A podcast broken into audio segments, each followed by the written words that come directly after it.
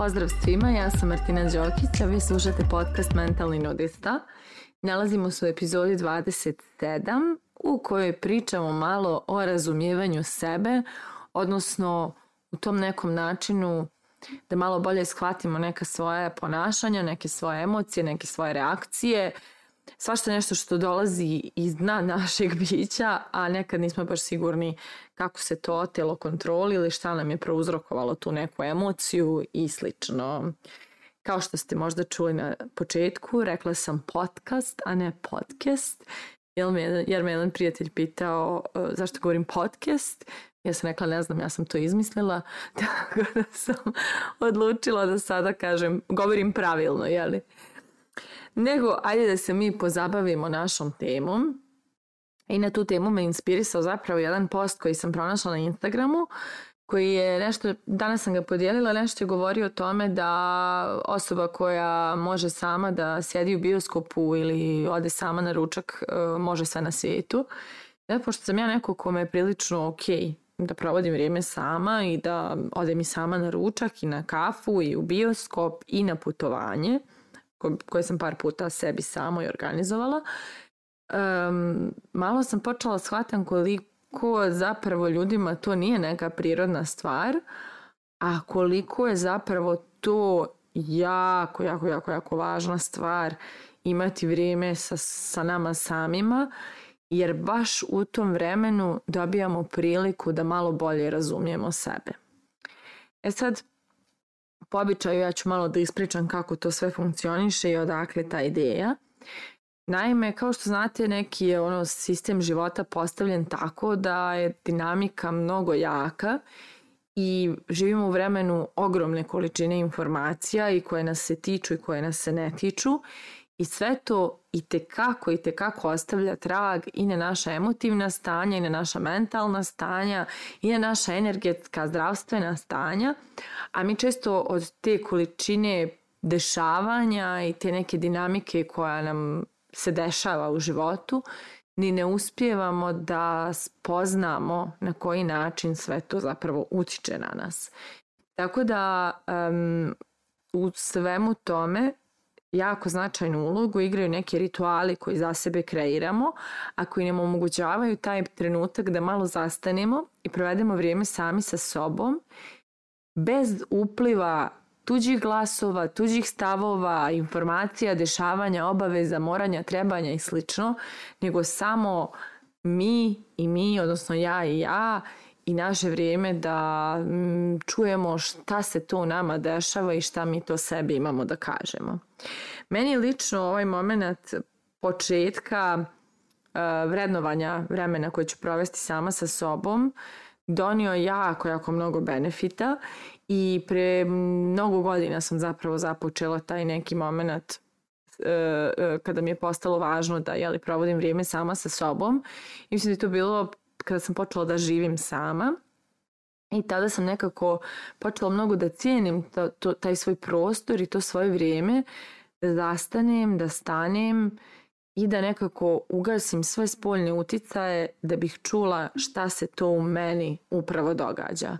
Nekad mi zaista od e, odgovornosti kojih nosimo i tih nekih mm, ne znam nija šta da kažem, lista koje moramo da ispunimo, ono, e, tabela i svega ostalog što nas čeka da bude popunjeno. Mi često ne uspjevamo da sklonimo to iz vidokruga i čujemo na koji način se sve što se dešava odrazilo na naše emocije, na koji način je neki razgovor, sastanak, ideja, ostvarenje nekog e, uspjeha ili nešto, na koji način je to integrisalo se u nama i kakve nam je emocije to donijelo. I ovo se ne odnosi samo na negativne emocije. Mi često imamo te momente da, ajde, budemo trigerovani nekim negativnim de dešavanjima, susretima, razgovorima, e, e, komplikacijama na poslu, privatno i slično i to nam probudi neke jeli, negativne emocije, ali mnogo puta se dešava i da ostvarimo neki cilj, ne, nešto postignemo, a mi ne uspijevamo da zastanemo i integrišemo, doživimo, osvijestimo, upijemo to što nam je taj trenutak donio. I upravo u svemu tome značajnu ulogu igra to neko vrijeme koje provodimo sami sa sobom i e, u suštini ja sam to vrijeme jeli, počela da, da kreiram tako kada sam počela da živim za, sama, zajedno sama sa sobom. A onda e, i posle kada sam imala i cimere i partnere i svašta nešto, um, to vrijeme se kreiralo na osnovu um, nekih rituala koje sam uvela u svoj život. Naprimer, sada je mnogo važan dio mog dana jutro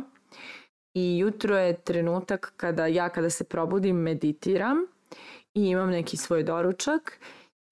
e, tu i tamo imam potrebu i da pišem neke jutarnje stranici kako bih malo iskanalisala sve što se dešava u mojoj glavi i u mojim mislima i malo spoznala zašto sam možda razdražljiva ili zašto sam možda e, uzbuđena ili šta me to možda sikira jer teško je od slojeva nagomilanih u našem umu i od informacija nagomilanih u našem umu uopšte doći do te suštine, do toga šta je tačno uzrok kog stanja i koje emocije i koje reakcije. I upravo kada počnemo malo da provodimo više vremena sa sobom, mi kao da dobijemo priliku da saslušamo sebe i da čujemo šta mi to sebi imamo da kažemo povodom svega što se dešava ili se dešavalo u proteklom periodu. I tako ja zapravo često saznam da nešto što me, što sam mislila da, je, da me muči zapravo nije uzrok mojeg nekog negativnog stanja, nego da je nešto sasvim drugo pokrenulo u meni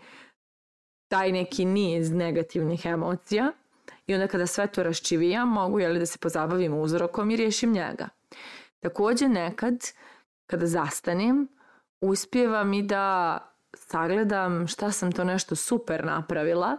na koji način je to donijelo efekat i drugim ljudima, što je meni jako važna vrijednost, da onako malo upijem te radosti koja onda u meni probudi još veću inspiraciju da još više stvaram. I ono što sam takođe primijetila, da kada provedem malo više vremena u toj nekoj samoći, kada kažem malo više mislim na dan, dva, tri, da odjednom postajem resursna, odnosno postajem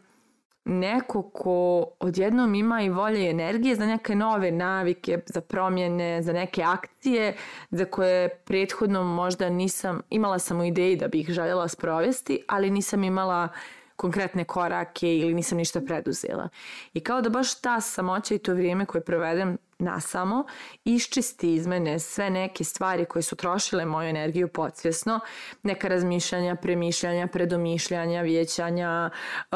ono, ne znam nija, pretjerana razmišljanja o raznim nekim temama, neke, neke ne, nezaokružene emocije, neke neizrečene riječi, znači sve se to nekako iščisti i ja tako čista, svježa, bukvalno kao da, da on jednom imam više energije i više uh, volje za neke nove stvari. Tako da zapravo taj prostor koji sam kreirala za sebe je meni donio mnogo bolje razumijevanje mene same, a iz tog mog razumijevanja mene same došlo je i mnogo više samopouzdanja, a i mnogo više jasnoće u daljim koracima, u odlukama, u tome šta je moje, šta nije. Naprimjer, ja vrlo jednostavno sada mogu da neke odluke donesem jer vrlo osjetim šta ja jesam, šta ja nisam. Jer u meni nema nekih nagomilanih tema koje tako e, idu jedna preko druge u slojevima i uopšte ne znam šta je na šta uticalo, nego neko prilično čisto stanje, u većini polja naravno, ne u svemu, gdje ja ono vrlo jednostavno svaku novu odluku ili svaku novu situaciju imam kapacitet da obradim, sagledam i realizujem, raščistim, presjećem, odlučim baš u tom nekom datom trenutku. I iskreno,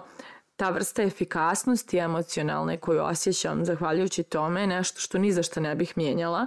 jer stres nije moje prirodno stanje, anksioznost nije moje prirodno stanje i samim tim mogla bih reći da je moje neko prirodno stanje vremenom postao neki mir,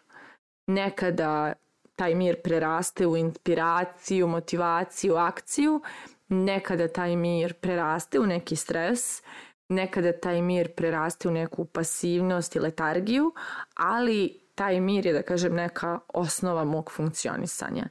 I taj mir najviše dolazi iz odnosa koji sam izgradila sa sobom,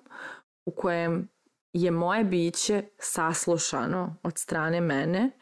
i um, sve što ja imam tebi da kažem i poručim i sebe zamolim